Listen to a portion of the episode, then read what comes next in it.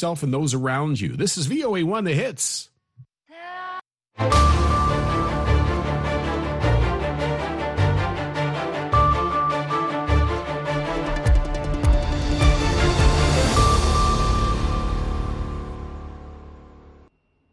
halkani waa washington laanta afka soomaaliga ee v o a oo aad ka dhagaysanaysaan muwjadaha gaagaaban iyo efemyada geeska afrika caalamka o dhanna waxaad nagala socotaan boggeena v o a somaly com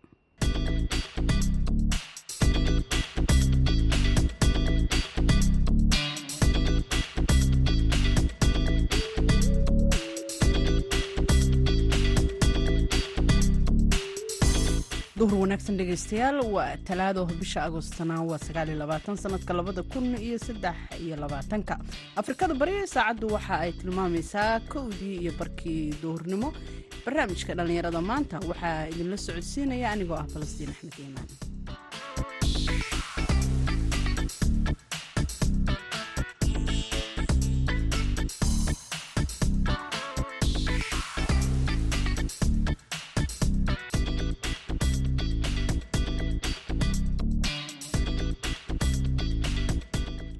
qodobada aad ku maqli doontaan idaacadda duhurnimo ee dhallinyarada maanta. Waxaa ka mid ah bahda caafimaadka ee gobolka sool oo ugu baaqay bulshada inay dhowraan dadka taagta daran iyo kuwa jilicsan xilli ay dad fara badan guryahooda colaadda iyo abaaro uga barakaceen waxaa la rabaa haddaba sidii looga hortegi lahaa ama laysaga ilaalin lahaa dhibaatooyinka hablaha khaaska u noqon kara sida kufsiga oo kale.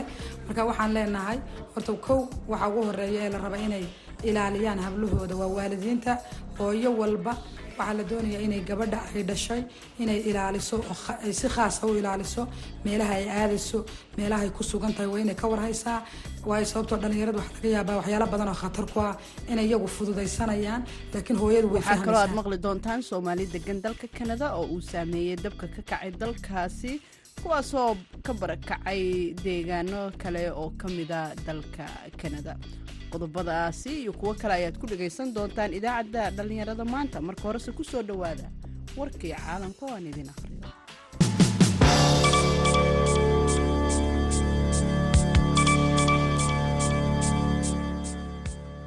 Taliyaha ciidamada suudaan jenaraal cabdifataax burxaan ayaa talaadadii u safray waa talaadada maanta ee u safray dalka masar si uu wadahadal ula yeesho madaxweynaha dalkaasi cabdilfataax al siisi safarkan ayaa ah kii ugu horreeyay ee burhaan uu ku tago meel ka baxsan dalka suudaan. Tan iyo markii uu soo shaacbaxay iska horimaadyada uu la galay ciidamada taageerada deg dega ee suudaan bartamihii bishii abriil ee sanadkan. War qoraala oo ka soo baxay militariga ayaa lagu sheegay in wadahadalada ay ku jiraan xaaladihii ugu dambeeyey ee suudaan iyo weliba xiriirka labada dal ee suudaan iyo masar. Al-siisi ayaa bishii julaay martigeliyey shir madaxeed ay yeesheen dalalka deriska la ah suudaan oo laga soo saaray qorshe xabajoojin ah oo markaasi wax looga qabanayo dagaalka keenay in markaasi dalkaasi ay ka barakacaan dad aada u fara badan waxaana uu qorshahaasi ahaa mid fashilmay oo aan shaqaynin wasaaradda difaaca ee ruushkana waxay sheegtay maanta in difaaceeda cirka ay soo rideen laba diyaaradood oo ah nuuca aan duuliyaha lahayn oo ay ukrain leedahay koonfurta magaalada moscow wasaaraddu waxay sheegtay in diyaaradahaasi lagu soo riday gobolka tuula. Ma aysan bixin faahfaahin intaasi dheer oo ku saabsan wax khasaaro ah oo la xiriira diyaaradahaasi. Ukrain ayaa si joogtaha u bartilmaameysanaysa ruushka gaar ahaana gobolka moscow. Diyaaradaha aan duuliyaha lahayn ayaa toddobaadyadii la soo dhaafay waxay weerarayeen deegaano kala duwan. Shiinaha ayaa ah midka ugu muhiimsan ee keena qeybaha muhiimka ah ee diyaaradaha aan duuliyaha lahayn ee ruushka loo isticmaalo dagaalka ka dhanka ukrain sida ay ku waramayso kooxda caalamiga ee ka shaqeysa cunaqabataynta ruushka. Kooxdan ayaa waxaa wada guddoominaya andrey yermak madaxa xafiiska madaxweynaha ukrain iyo safiirkii hore ee mareykanka michael macfall oo ah agaasimaha macadka freeman spogli oo daraasada caalamiga isagu sameeya. Ruushka waxa uu si weyn ugu tiirsan yahay qeybaha dibadda lagu farsameeyo oo loo adeegsado diyaaradaha aan duuliyaha lahayn gaar ahaana microelectronica sida laga soo xigtay daraasadan lixdan iyo toddoba boqolkiiba shixnadaha ay u baahan yihiin waxa ay ka keensadaan dalka shiinaha halka toddobiyo toban ka mida ay soo maraan hong kong ilaa ruushka. Turkiga ayaa ah shan boqolkiiba midka isagu qalabkaasi laga keeno halka isku tagga imaaraadka carabtana laba boqolkiiba ay iyagu sameeyaan dadka ku nool gobolka koonfur bari ee mareykanka ee florida ayaa isku diyaarinaya imaatinka wax saadaalayaasha hawada ay filayaan inay noqon doonto duufaan weyn marka ay soo gaarta halkaasi arbacada. Itaaliya waxa ay gaartay xooga duufaanta horaantii talaadada iyada oo xarunta duufaanta qaranka ay sheegtay in ay filayso in duufaantu ay si deg deg ah u sii xoogeysato inta lagu jiro maalinta maanta ah digniinta duufaantu waxay ka hirgashay dhul ballaaran oo xeebta gacanka florida oo ay ku jirto magaalada temba barasaabka florida ron de santos ayaa ka digay saameyn weyn in ay yeelan doonto gobolkana ay taaban doonto wuxuuna ku dhawaaqay xaalad deg deg ah oo laga hirgelinayo afartan iyo lix degmo oo gobolka ka tirsan maamulka ayaa ku dhiirigeliyey dadka ku nool koo iyo labaatan degmo inay ka guuraan ka hor inta aysan duufaantu iman. Madaxweyne joe biden ayaa telefoonka kula hadlay desantis isniintii shalay wuxuuna u ogolaaday ku dhawaaqista xaaladda deg dega ah ee gobolka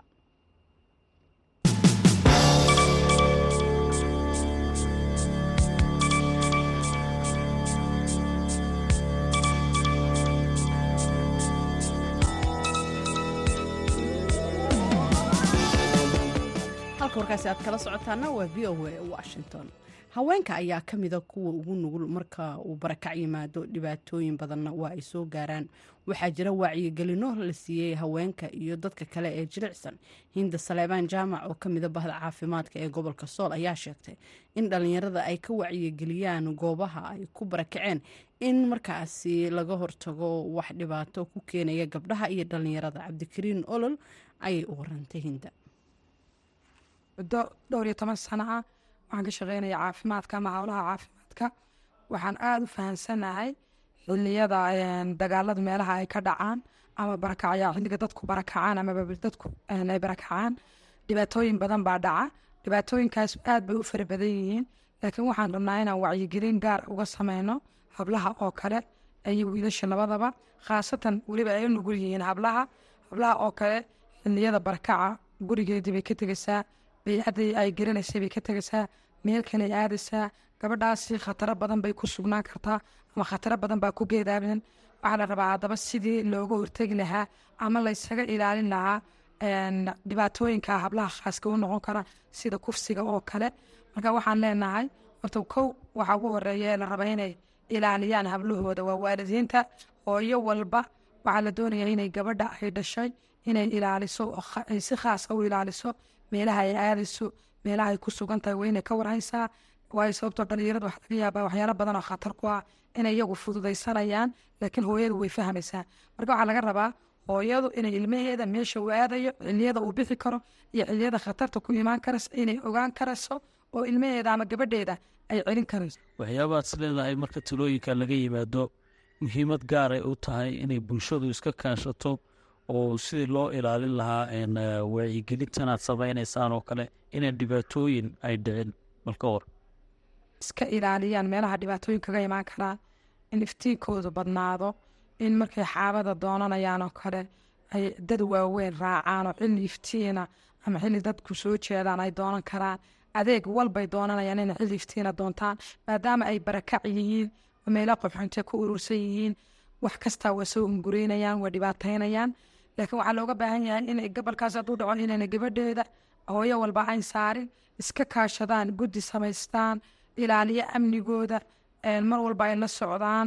Wiilasha dhalinyarada naftigooda waxaan leenahay dhibaato hablaha yani gabadha dhibaato u geysanaysaa waa gabadh walaashaaya waa hooyadaayoo kale waa habriirtaayoo kale waa kale. Markaa mar walba waxaad ogaataa dan iyo duruuf baa soo barakicisay gurigoodii dagaal baa ka soo barakiciyey hoobiyaa ka soo barakiciyey yacni dhibaatada ay banaanka bacdka u fadhido ee dabaysha ku dilayso aduguna ha ugu darin dhibaato. Marka laga hadlayo bahda caafimaadku way ka shaqeeyaan sidii loo garab istaagi lahaa bulshada waxyaabaha looga baahan yahay goobaha caafimaadka maxaa ka mid a? Meelaha looga baahan yahay goobaha caafimaadka o dhan meel kastoo goob caafimaad ka furan tahay oo barakac ayaal ku sugan yihiin waxaa la rabaa wacyigelin baaxadle in loo sameeyo sababtoo barakacyaasha marka la eego caafimaad ahaan aad bay u liidataa xaggii hygiinka nadaafadda oo kale guriga ama deegaankii biyihii oo kale yani nadaafadara ka jirta xaggii caruurihii nafaqadaraa ka jirta sababta ilmihii cunto ku filan ma helayo. In mararka qaarkood inta goobta caafimaadku guurto ama mobil tiimyadu intay guuraan barakacayaasha dul fadhiistaan xanuunadii caruurihii xanuunsanaya la daweeyo xaggii biyaha laga wacyigeliyo biyihii ay karkariyaan sababta goob kastoo caafimaad barakaca u dhow waa inay mararka qamaa wiigii laba jeer ama saddex jeer aadaan soo wacyigeliya iyagoo nadaafadii ka wacyigelinaya biyihii nadiiftaa inay cabaan ku wacyigelinaya ayaa laga doonayaa wixii xanuunsanaya ee markaa isban karaan waa daweyn karaana ay daweeyana xil gaar iska saaraan. Waxaa jira guddiyo ka shaqeeya dadku meelaha ay degan yihiin. Waajibaad ka saaranaya fariimaha aad leedahay waa u muhiim dadka iyagoo guddiyada maamula goobaha dadku ay ku barakaceen oo kale. Maxay? Ta waxaan aada fariin ugu dirayaa marka loo eego barakacayaasha dadka kale mas'uul weyn baa ka saaran mas'uulka weyna ka saaran waxaa weeye waxaa la rabaa aroor way booqdaan in si cadaalada loogu shaqeeyo. Inay xitaa haddii caawimo loo keeno dadka caawimada siday ugu karin liitaan u qoraan kii xanuunsanaya inay goobtii caafimaadka la soo xidhiidhaan sababto goobaha caafimaadka dirbilaash ma loogu shaqaynayaa goob caafimaada maanta lagu qaxay oo lacag laga qaadaya ma jirto dhammaan goobaha caafimaadka bilaash bay u yihiin meelaha lagu qaxay meelaha lagu qaxay waa in goobtii caafimaadka kii xanuunsanaya u keenaa.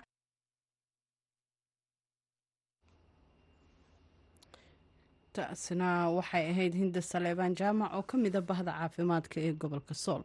Waxay u waramaysay waryaheena cabdikariin oo halkaad nagala socotaana waa v o a washington. Markana dhinacii heesaha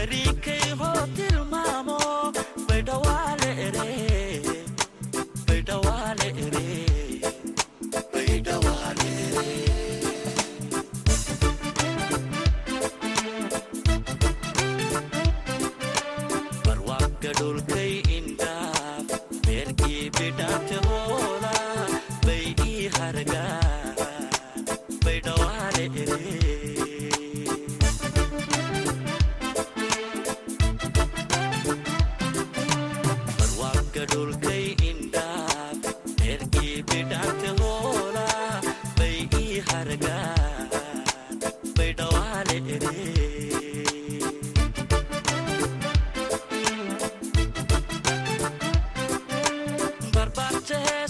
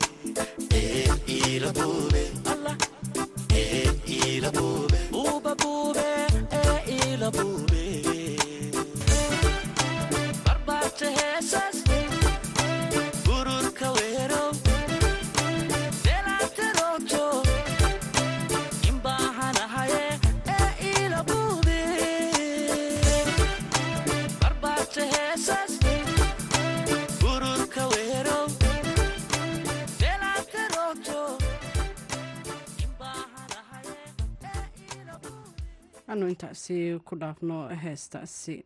Markana kanada. Gobollo ka tirsan dalka kanada ayaa ilaa iyo bishii julaay ee sanadkan waxaa dhibaato ku hayay dabka kacay keymaha kaasoo saameyn weyn ku yeeshay dadka degan magaalooyinka dalkaasi.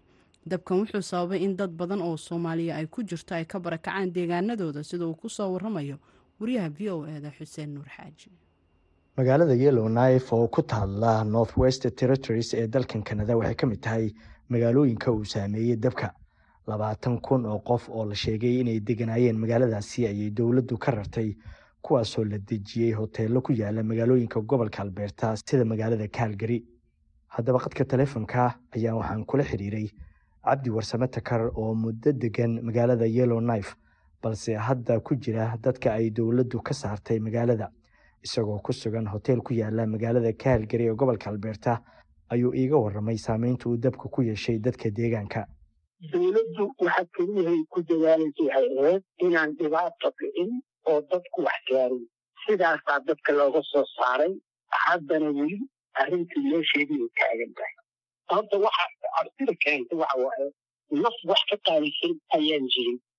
Marka dadka mas'uulka qof walba oo mas'uula wuxuu mas'uuliyad iska saaraya dadka inaysan ama dhibaato gaarin ama aan wax foolxumo ku dhicin marka taasaa keentay in dadka laga soo bixiyo waa tahay waxaan iga warantaa bal soomaalida qiyaas ahaan tiradooda iyo halka laydin dejiyay horta soomaalida markaan kaaga rabo tiradeeda tirakoob ma aanan samayn laakiin toddobaatan qofood ayaan inaan dhannahay u malaynayaa waxayna u qaybsan yihiin qoysas dad kalyooda iyo dad sinyorisa meesha dad deegaanana waa joogaan ma badna dad badan maahan laakiin waa joogaan dad deegaana laakiin sida badan waxaa loo tegay shaqo.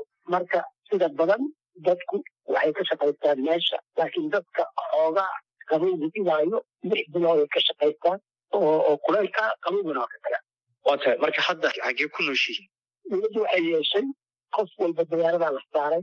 Basaa lagu qaaday markii hore eeraboortkaa la geeyey diyaaradaa lagu qaaday waa la soo qaaday meelaa la keenay qadaa laga siiyey hoteellaa la geeyey aniguna hoteelaa hadda deganahay waxaana joogaa hadda kaalguri meel la yidhaahdo waa tahay marka hadda ma jiraa qorsho dowladda idin sheegtay oo dib laydinku celinaya deegaankiina wax la sheegay iyo wax la hayo midna ma jiraan weli dagaalkii ku jiraan markay soo dhammaato haddana diyaarada naloo keenayaan nala ku celin doonaa leeyahay aad ayuu mahadsan yahay cabdi warsame takar gobollada kale ee dabku saameynta ku yeeshay waxaa ka mid ah gobolka british columbia inkastoo soomaalidu ay degan yihiin magaalooyinka waaweyn ee gobolkaasi aanan dabku soo gaarin haddana qaarkood ayaa shaqo u aadi jiray meel uu dabku saameeyey.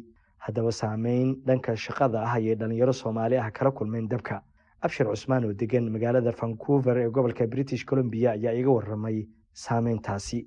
Xuseeno waa mahadsan tahay. Runtii dabka ka kacay british columbia waa dab aad u baaxad weyn saameyntiisa khasaaruhuna ay aad u badan tahay waa dabkii ugu badnaa fire wilka ugu badnaa oo kanada ka dhacay. Kii ugu dhulka baaxadda weynaa dhulka gubtay weeye ilaa afar iyo toban milyan oo higtar baa gubatay oo dhul baaxad. Runtii khasaare aad u badan baa waxa weeye ka dhashay xayawaanaad badan baa waxa weeye ku dhintay halkaas. Guryo badan oo magaalada west colona qayb badan baa iyadana ka gubatay. Waxaa ku barakacay ilaa boqol iyo toddobaatan kun oo qof dad gaaraya. Aad bu soomaalida dabkan isaga laftigiisa u saameeyey dad badan oo soomaaliyeed ba waxay ka shaqayn jireen gobolkan british columbia. Dabku ka kacay marka meelaha dabku ka kacayna waxaa u dhow meelo oil industriga ah ama dhaamam laga dhisayey biyo xireenno waaweyn ama oilka shidaalka meelaha laga soo saaro kale oo tuubooyin weyn dhulkan gubtay dhul kalo weyn ba agtiisa dhismayaal waaweyn ka socdeen mashaariic waaweyn oo waddanka. Wixii oo dhan waa istaageen dadkaasi shaqadooda hadda waa joogsta dib baan soo sheegi doonaa oo baaliye dabkaas baana waxa saameyn weyn ku yeeshay marka soomaalida aad buu waxa weeye dabkani saameyn ugu leeyahay oo dhanka shaqooyinka ah dabka ka kacay kanada ayaa la sheegay inuu yahay kii ugu darnaa taariikhda in ka badan saddex iyo toban dhibic afar higtar ayaa gubatay dowladda kanada oo caawinaad ka helaysa kooxaha u tababaran deminta dabka oo ka socda dalal ay ka mid yihiin south africa brazil costa rica iyo kuwo kale ayaa dadaal ugu jira sidii ay u xakameyn lahaayeen faafista dabka. Dowladdu waxay sheegtay in xaaladda hadda ay ka soo wanaagsanaanayso balse aanan weli si buuxda loo xakamayn dabka. Xuseen nuur xaaji v o a toronto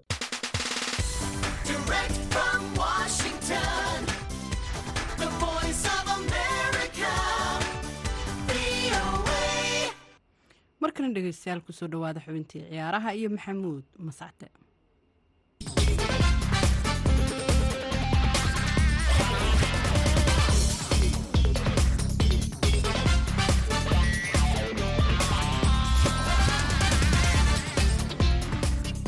kuna wanaagsan dhegaystayaal dhammaantiinba kuna soo dhowaada xubinta ciyaaraha. Aan ku bilaabay horyaalka waddanka sbain kooxda kubadda cagta atletica madrid ayaa goor dambe oo habeenkii xalay ahaa toddoba gool iyo waxaba ugu awood sheegatay kooxda kubadda cagta ee rayo valakano ciyaaryahanada grishman dibay molina morata oo laba gool dhaliyey anhel korea iyo loriente ayaana toddobadaasi gool qaybsaday oo kooxda kubadda cagta ee atletica madrid u suuro geliyey inay saddex dhibcood oo xaraga leh ka soo qaadato kooxda kubadda cagta ee raya valakano kooxda kubadda cagta atletica madrid ayaa u muuqanaysa koox xilli ciyaareedkan dardar la soo gelaysa waxayna guushan ay gaartay kooxdu siisay in ay kaalinta labaad ee horyaalka waddanka sbain ay buuxiso halkaasi oo kaalinta koowaad ay ku jirto kooxda kubadda cagta ee real madrid. Labadan madrid ee ka wada dhisan magaalada madrid ayaa waxay kala leeyihiin sagaal iyo toddoba dhibcood oo kooxda real madrid ayaa horyaalka sagaal dhibcood ku hogaaminaysa. Barcelona kaalinta afaraad ayay ku jirtaa oo iyaduna min toddoba dhibcood ay wada leeyihiin kooxda kubadda cagta ee atletica madrid. Dhinaca iyo waddanka talyaanigana kooxda kubadda cagta inter milan ayaa laba gool iyo waxba imika xalaha kaga adkaatay kooxda kubadda cagta ee calyari ciyaaryahan lowtaro martinez ayaa gooldhalintiisa weli sii wata waxaana habeenkii xalay aha u suuro gashay labadaasi gool mid ka mid a inuu u suuro geliyo kooxdiisa kubadda cagta ee inter milan dhinaca iyo waddanka sacuudi carabiyana haddii aan jalleeco kulamo xiiso badan ayay habeenkii xalay ahaa ka dhacay waddanka sacuudiga laakiin kulanka ugu weyn waxa uu dhex maray kooxaha kubadda cagta ee al itixaad iyo weliba kooxda alwaxd. Kooxda al itixaad ayaa saddex gool iyo eber ku guulaysatay laakiin hadalka amaba warka ugu weyn ee kooxdan soo food saaray oo al itixaade ayay ahayn ciyaaryahanka ay lacagta badan ka soo bixisay ee karim benzima uu ciyaarta kaga dhaawacmay oo garoonka dhaawac laga saaray. Wararka ayaa sheegayeen ciyaaryahanku uu muruqa dhaawac ka soo gaaray laakiin lama oga muddada uu ka maqnaan doono kooxda kubadda cagta al-itixaad inkastoo dad badan ay rumaysan yihiin in toddobaadyo uu xidigu garoonka ka maqnaan doono. Kooxda al hilaalna waxay laba gool iyo waxba kaga adkaatay. Kooxda al itifaaq oo uu layliyo tababare stephen jiraar waana guuldaradii ugu horreysay ee macalin stephen g iyo kooxdiisa al itifaaq soo food saarta horyaalkan bilowga kooxda kubadda cagta al hilaal weli garoonka uma aanu soo gelin ciyaaryahankii ay lacagta badan ka soo bixisa ee neymar oo isaga laftiisu dhaawac kaga maqan kooxda al hilaal dhinaca suuqa kalibsiga ciyaartoydana kooxda kubadda cagta ee roma waxaa ku biiray ciyaaryahan lukaku oo lacag shan milyan oo amaha uu kooxda kula joogi doono inta xilli ciyaareedkan lagu guda jiro waa kaaga dhegeystayaal xubinta ciyaarinta ku soo gabagabeynaya tana kulan dambe waa mascadooda ku dhaafaya sidaa iyo nabadgelyo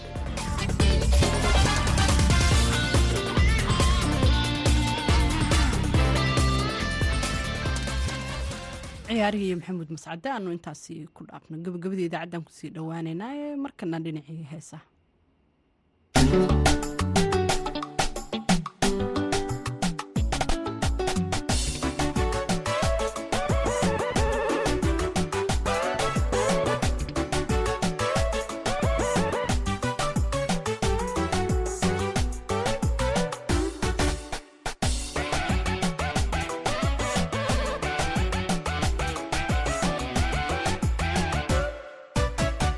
waqtiga yimid kala waatay xidhiidhkeen madaafiro wanaagii waliwaan aqoonsanay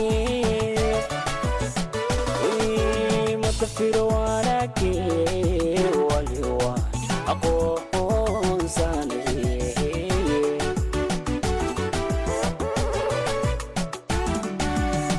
inkastoo waqtiga yimid kala waaday xidhiirkeen madafiiro wanaagii waliwan aqoonsanay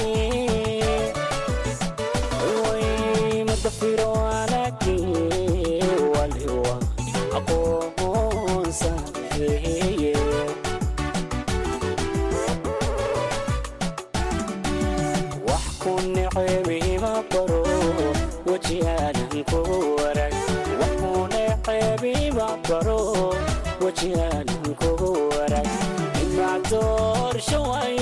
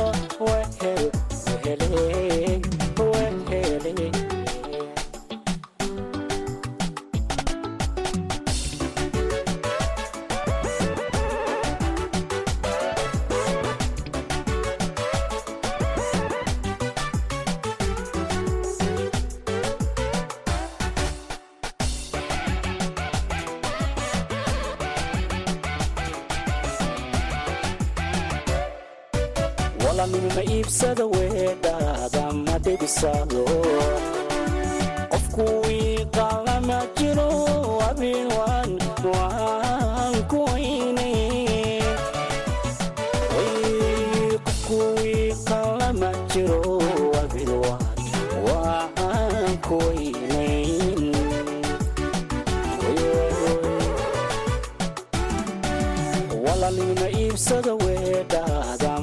ku weynay Way, qofku iiqalama jiro abin waan waan ku weynayn Way, way, way. walalima iibsada weedhaada ma dhibisado qofku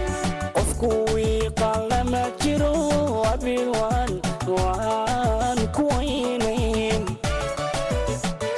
way qofku wiiqalama jiro abin waan waan ku weynayn qalbiyada yarweersamay isku waayimayne qalbiyada yarweersamay isku waayimayne haddii aawad ku iman i imaan i iman wadko warka waynu kala heliye